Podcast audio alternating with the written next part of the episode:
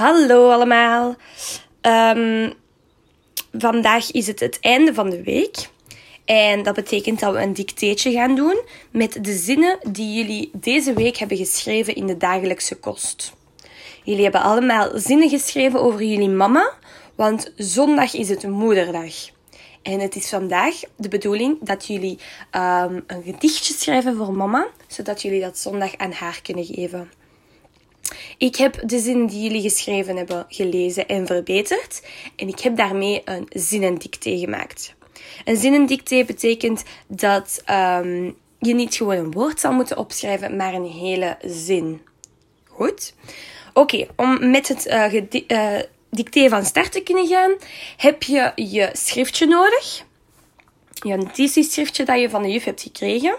En je kiest de kant van taal, niet de kant van wiskunde. Goed, je kiest de kant van taal. Je gaat naar de eerstvolgende pagina.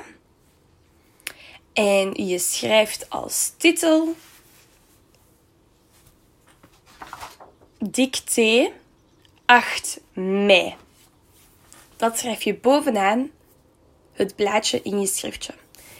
Dicté 8 mei. Oké, dan schrijf je daar een lijntje onder teken je daar een lijntje onder. En dan gaan we, kunnen we van start gaan met het dicté. Het dicté bestaat uit drie zinnen.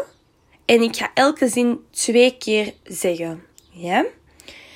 Um, ik zal woord voor woord dicteren. Maar jullie moeten goed denken. Een zin begint altijd met een hoofdletter en eindigt met een leesteken. Een punt bijvoorbeeld. Oké, hier gaan we. De eerste zin, je schrijft een 1 voor de kantlijn.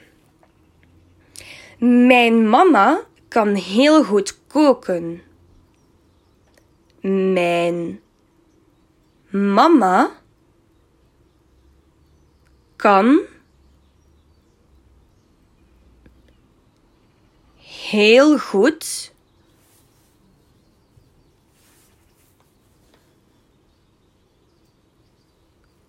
koken.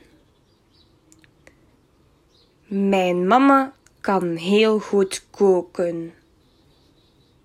En dan volgt er een leesteken. Goed, zin nummer 2. Je schrijft een 2 voor de kantlijn. Ze heeft een neusje. Ze heeft een neusje.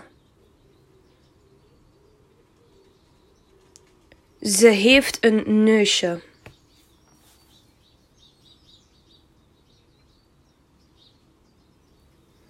Dan zin nummer 3 en meteen ook de laatste zin. Je schrijft een 3 voor de kantlijn. Mijn mama leert mij veel dingen. Mijn mama leert mij veel dingen. Mijn mama leert mij veel dingen.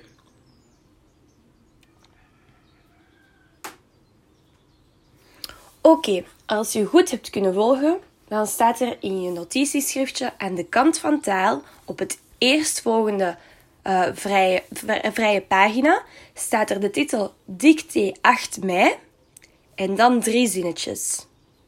Neem nu even de tijd om te controleren of je aan alle spellingsregels hebt gedacht en of de elke zin met een hoofdletter begint en eindigt met een leesteken. Als dat allemaal gebeurd is, dan mag je het dicté doorsturen naar de juf. Heel veel succes, Hergé!